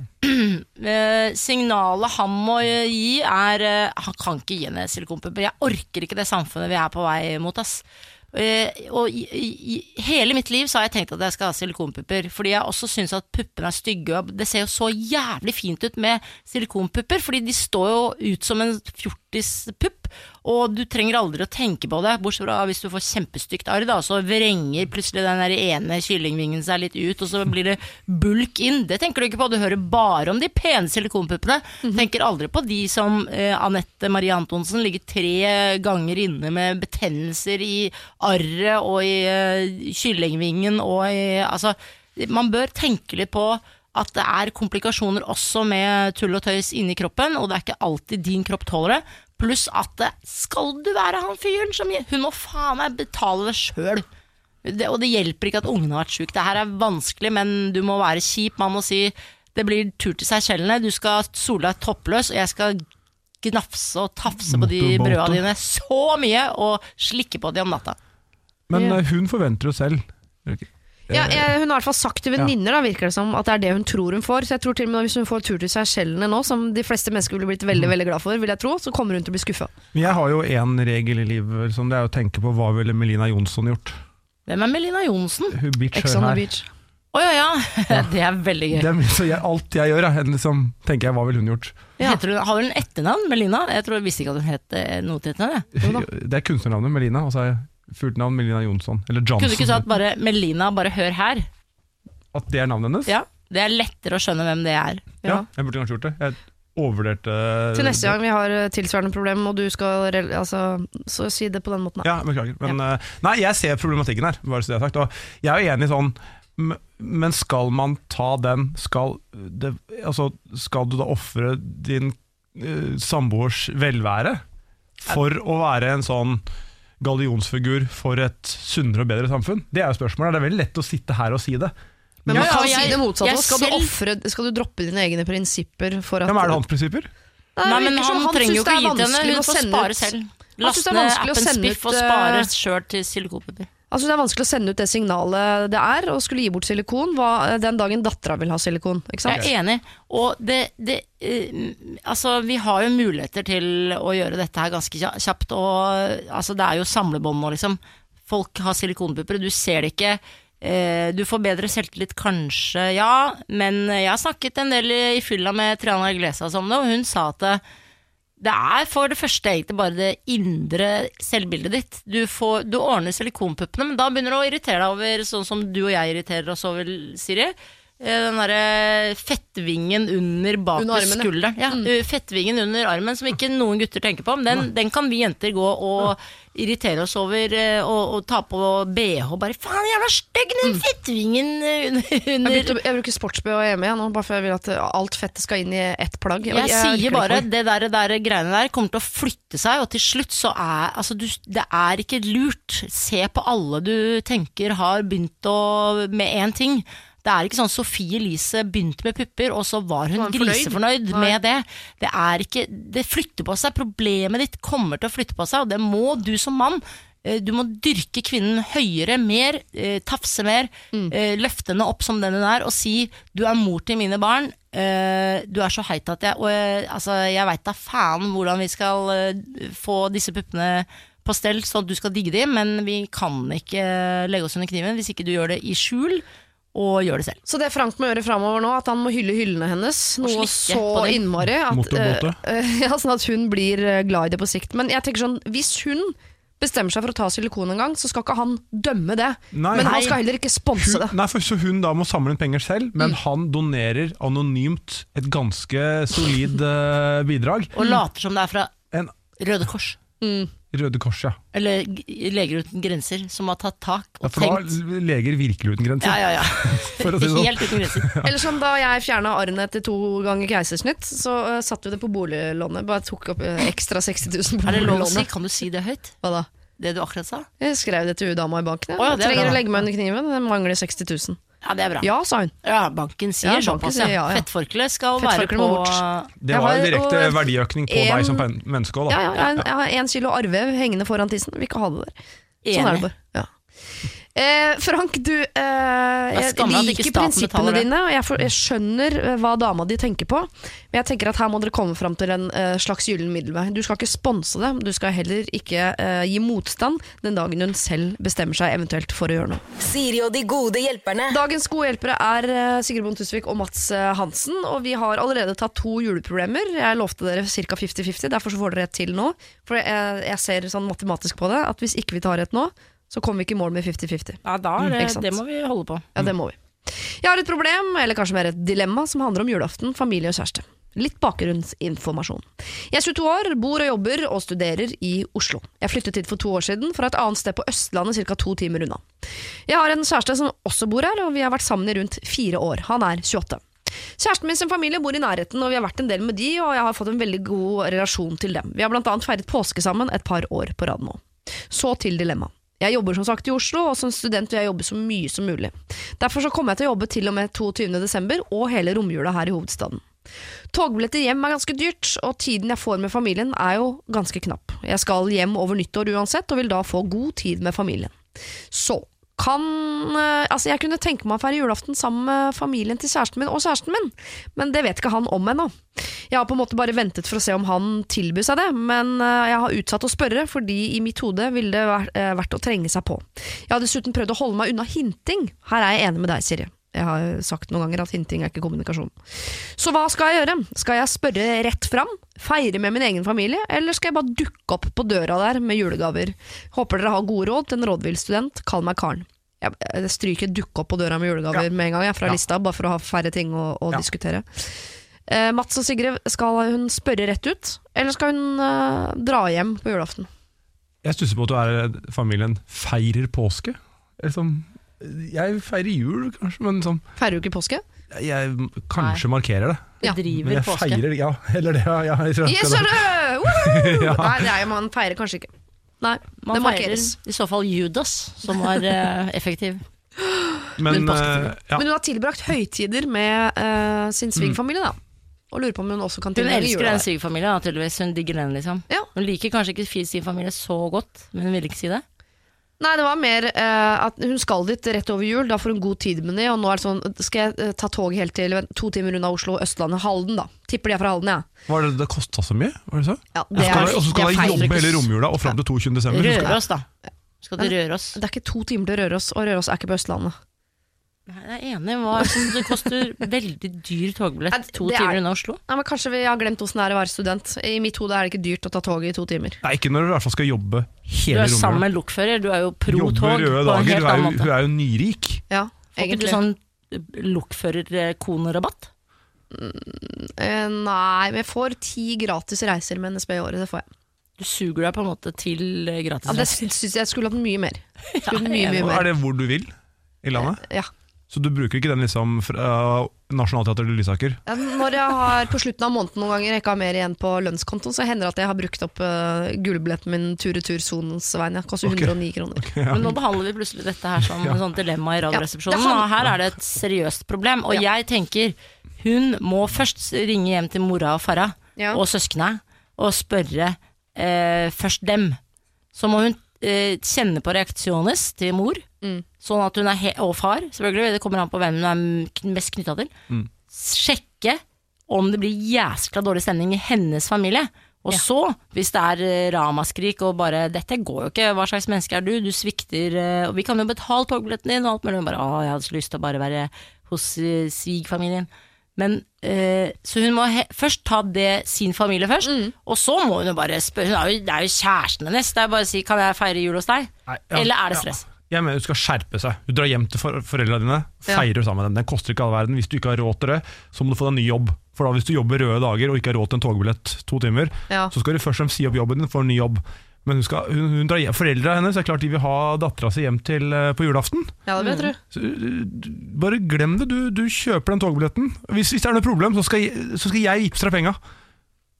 Send meg en mail, så skal jeg, skal jeg gi deg penga. Jeg, Jeg det er mistenker at karen her vil feire med kjæresten og familien ja, til kjæresten. Ja, men det- ja, men det- ja, men det er det. jul, da. Jul og tidligere familien. Altså, men det- får ba hun- da får hun få barn med han. Så har hun en legitim grunn for å feire med svigerfamilien også. Eller så får hun i hvert fall vente til hvis de hadde invitert, og hun merker å det er det jeg har lyst til, så kan dere ringe hjem og si sånn Jeg har blitt invitert til å feire jul med svigerfamilien, hva tenker dere? Men å skulle invitere seg selv et sted når hun vet at hun egentlig sånn romantisk sett burde være et annet sted, pluss, så må jeg også si, hvis jeg ikke har invitert et menneske hjem til meg, og jente, dette mennesket konfronterer meg med kan jeg være med hjem til deg? Så jeg sånn, Det er så slemt å spørre om når jeg er her, for det kan jeg jo ikke svare nei på nå. Nei, Du satt. Hæ? Du er kjæreste, ja, så Ja. du bare må si sånn Ja, jeg skal spørre med mamma. Og så er du i en knipe. Enig. Det, og selv om veldig mange har da eh, bedre stemning i sin svigerfamilie enn sin egen familie, så er det noe nettopp med å være nære sin nære familie, da. Mm. Eh, Man må tåle det på en måte, selv om man ikke det- tåler Ja, det. det er jula. Det er, Det er dessverre jula. tid med familien. Og to timer på tog. Jeg tar to, eh, tog i to timer hver eneste dag. Det, er, ja, det går helt fint, det. Ja, men hun skal jo rekke en sånn Hun jobber på Kapal, da, Ja. føler jeg. Men du kan reise hjem natt til lille julaften, eller på morgenen lille julaften. Så har du hele lille julaften, hele julaften, hele første juledag. Og så kan du dra hjem og jobbe i romjula mens du eh, drikker gløgg med svigers på ettermiddagen. Ja, ja. Altså, her er bare å bare skjerpe seg. Rett og slett. Jeg har de andre gode problemstillingene vi har fått i dag. Det her ser jeg ikke. Ta det sammen. Karen, eh, du skal hjem til familien din til jul, med mindre det er noe her du ikke forteller oss. Et eller annet hjemme du ikke har fortalt, som Ja. er vondt og vanskelig, som ikke vi vet om. Hvis det bare er at du har mer lyst til å være sammen med noen som ikke har invitert deg engang på julaften, så tenker vi at nei, det holder ikke. Du må sette deg på det toget, reise hjem til jul og feire med de, og så heller være sammen med svigerfamilien i romjula. Siri og de gode hjelperne. Vi har ett problem igjen uh, i dag, uh, dere.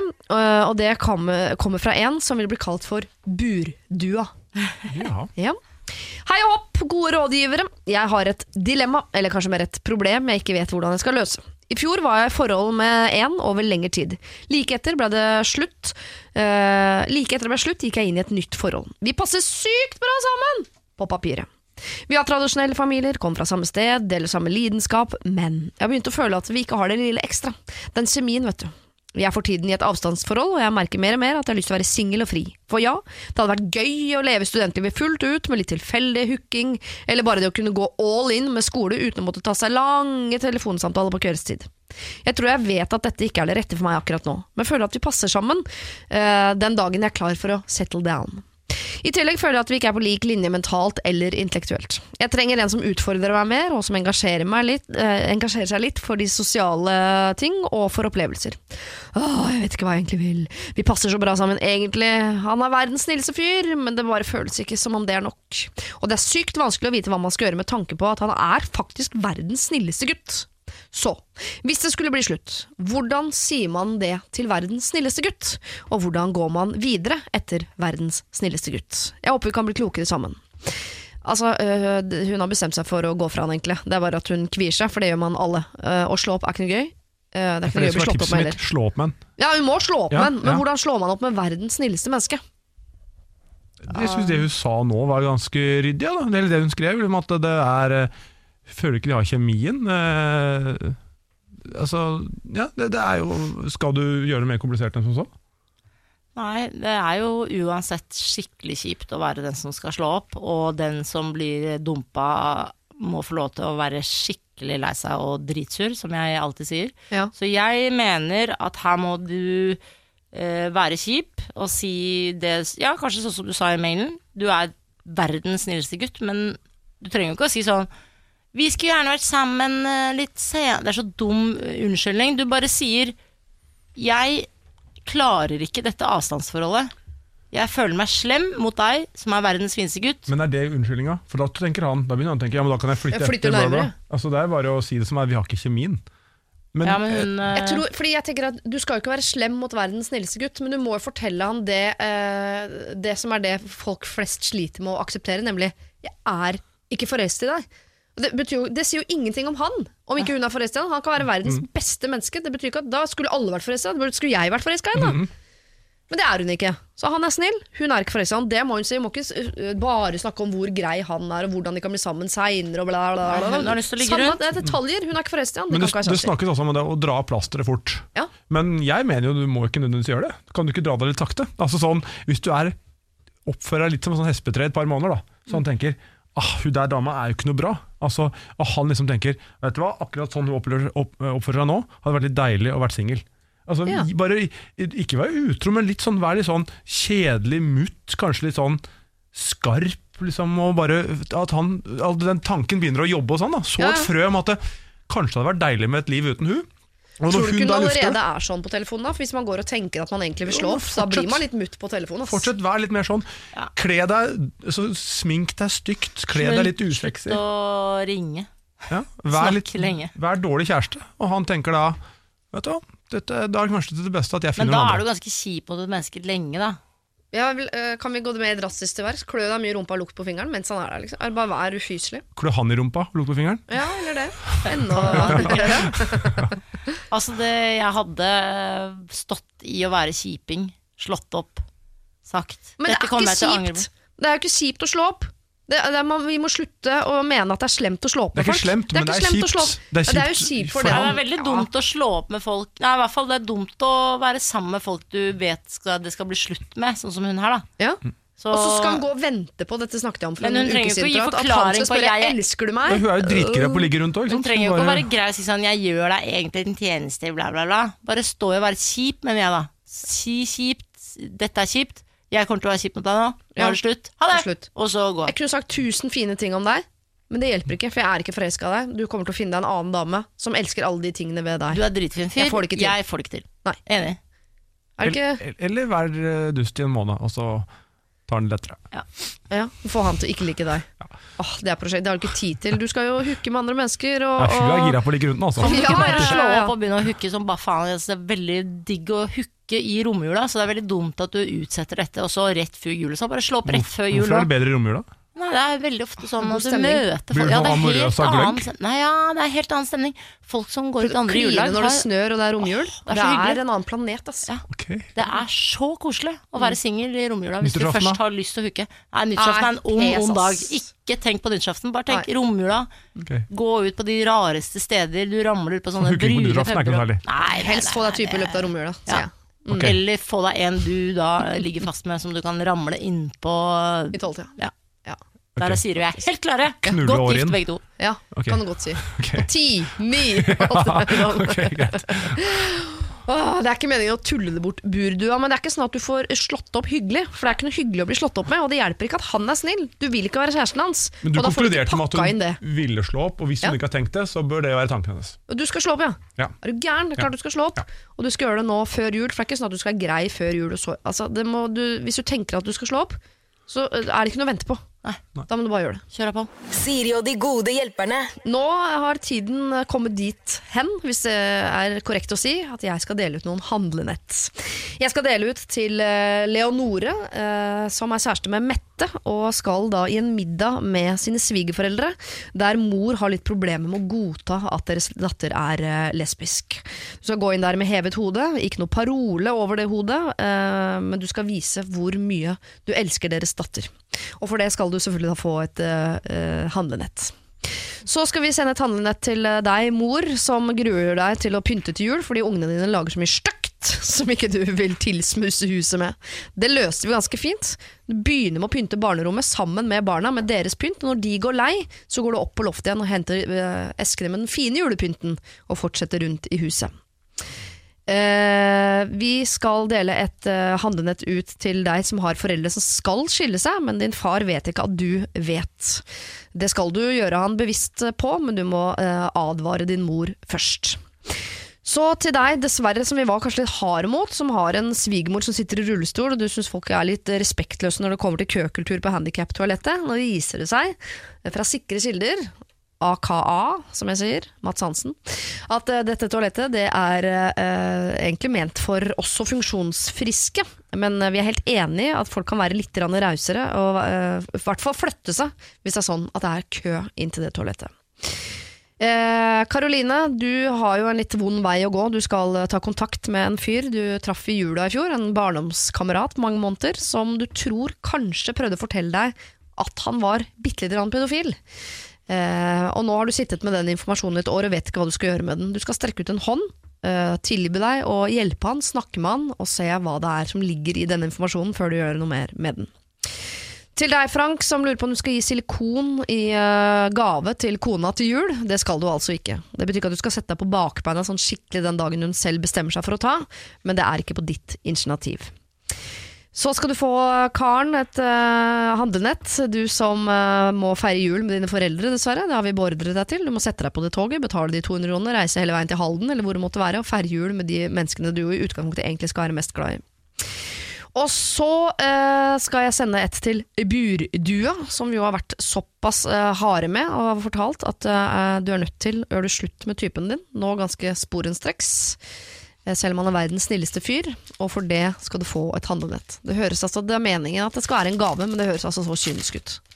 Når jeg sier det på den måten. Du skal gjøre det slutt med verdens snilleste fyr, og for det skal du få et handlenett! altså, det, det høres ikke bra ut, men det er sånn det er. Eh, Sigrid Bonde, du skal få lov til å dele ut et handlenett. Fyll det med hva du vil, send det hvor du vil. Levende eller død. Jeg sender handlenett til Abid Kuraja, som er sykemeldt. Mannen uten rumpehull? Ja, han har rumpehull nå, da. Ja, men hadde ikke noen ble født. Nei, men jeg og ham har eh, felles eh, rumpehull, eh, Det- faktisk. Jeg har jo også nytt rumpehull. Så du må ringe Abid når du skal drite. vi som har nye rumpehull, vi står veldig fint i det. Eh, men eh, Det er deg, Abid og Espen Eckbo, så vidt jeg vet. Ja, Mm. og det går greit med alle tre, bortsett Ja. fra Abid akkurat nå, baksnakket av sjefen. Ja. Eh, og backstabber henne i, eh, i den derre vingen under armen, som du og jeg har snakket om. Ja, ja. Kyllingvingen under armen. Ja, du, ja. Mm. Og da Så flaut. Jeg gikk Hvis han er såpass sliten Han han er jo sikkert eh, sykemeldt fordi han er sliten. Ja. Så sier han at han er sykemeldt pga. dette, for det er hardt for han å bli baksnakka. Utad ser det litt sånn eh, svakt ut, egentlig, fordi baksnakking driver jo vi andre med hele tiden. Pass på ikke bli satt opp, da. Mens, ja, men altså, han satt jo i samme rom, og det var vanskelig for han, men uh, samtidig har han ikke sett House of Cards, liksom, så jeg føler liksom at her må vi bare gi han et handlenett, så Mm. han kan være litt hjemme, hjemmeværende. Han har tvillinger, han har kone, det er snart jul, liksom, så han kan drive med andre ting, da. Ja, Hvis han ikke takler det det, Det derre kjipe greiene. Sende han House of Cards på DVD, for den Ja. ligger ikke på Netflix lenger. Oppi handlenettet. Ja. Eller han kan bare putte Han kan gå ut og handle oppi handlenettet sitt. Så du får gi et Fire- tomt handlenett? Raust. Her her gir vi deg muligheten til å gratis gi bort hva du vil i hele verden til Abid, og du gir han et tomt handlenett. Han får da House of Cards oppi handlenettet. Man Han får ikke noe mer enn det, man han får det i DVD-form. Det er jæskla kjedelig når du kan bare laste ned på Netflix eller hvor det Men er. Blir dette gitt bort på ordentlig, eller er bare sånn uh, imaginært? bare imaginært, ja. Okay. Og nå skal jeg si noe som sikkert høres rasistisk ut, men det er en faktaopplysning. At han Abid er grådig glad i mango. han. Det hørtes veldig rasistisk ut. Jeg, jeg vet det. Jeg har gått på skole, altså Abid er fra Bjølsen, sånn som meg.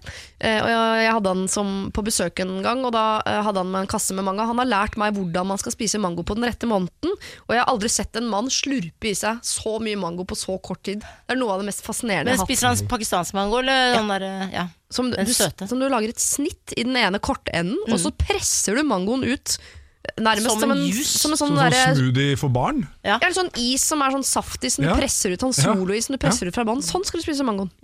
Spesielt. Ja. Ikke kritiser Det er veldig godt. Abid, Det er veldig, veldig godt. som er sykemeldt og ligger nede. Han må få tomt handlenett som straff. Ja, med en DVD Med oppi. da. masse DVD-er oppi, som er helt waste å få når du har det på streaming. Nei, men ligger ikke på Netflix lenger, sier jeg. De har tatt det bort. Sier- House of bare, Cards? Jeg har tatt bort House of Cards med Kevin Spacey. Fordi det er metoo-aktig å se Kevin Spacey. Ja. Du, blir smitt- du blir deg smittet, Ja, du blir smitta? Ja, det er tatt Fy fader. Mats Hansen, hvem vil du gi deg til?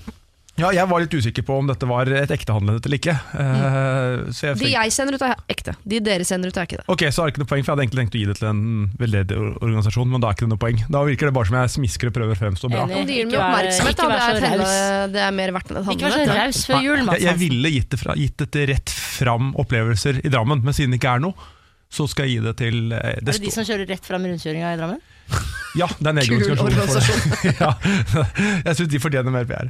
Uh, nei, jeg, jeg kunne jo gitt det til Isabel Rad og gitt henne påfyll med Restylane Botox, Ja. men jeg velger Rein Alexander. Oh, ja. Som gikk ut i går og bare sa at uh, det var intervju med var det Dagsnytt 18, da, hvor han var spurt om da juletragedien, som jeg, da, låten som jeg står bak, eh, som sa at eh, eh, den låta er dritt, ikke tro noe annet, la oss kalle en spade for en spade. Vi må lære barna våre at de skal slutte å høre på sånne ting. Du Eh, står inne for det du òg? At den låta er dritt, eller mener du at det er Jeg klarte klart det er dritt. i, eh, Ja. Klart det er dritt, men folk må få lov til å høre på den. ja. Og husk på at Rein Alexander, altså han, uh, punkt én, han, han synger bare coverversjoner. Han lager ikke noe musikk sjøl. Kan jeg gi deg et sitat som jeg har trykket, trykket i mitt bryst for mange mange år siden? Ja. Uh, på 90-tallet, da uh, Wigfield ga ut låta 'Saturday Night Ja. Dancing Like The Way You Move'. Den grusomme låta. Jeg liker den. Uh, som jo ble beskyldt for å ha laga en drittlåt. mm. Som alle elsket. Og da når en journalist spurte om det, hva syns du om at alle, folk, eller alle mener at sangen din er dritt, så sa han sånn Spør bankkontoen min. Ikke sant? Ja. Det liker jeg veldig godt. Ja, det er jo hjertevarmt og fint. eh, Men nei, den går til Einar Alexander, og fordi han er hårsår kanskje fordi han har på en måte et fornavn som er julenissens hjelper, på en måte. At Ja, ja. han er litt sånn ekstra var og skjør. Han er ikke Rudolf heller, han er liksom litt bak Ja, i ja. rekka. Ja, jeg vet det. Eh, nei, han får det, og så får han da, han får da mange singler av juletragedien tilsendt i det handlenettet. Åh, Ja. Det er ondskapens handlenett. Ja. Det er sånn 90-tallshandlenett, en med DVD og en med CD-er. Ja. det er kjempefint. God jul, Rein! god jul! Tusen takk, Sigrid og eh, Mats, og god jul til dere også. God jul! God jul. Siri og de gode hjelperne.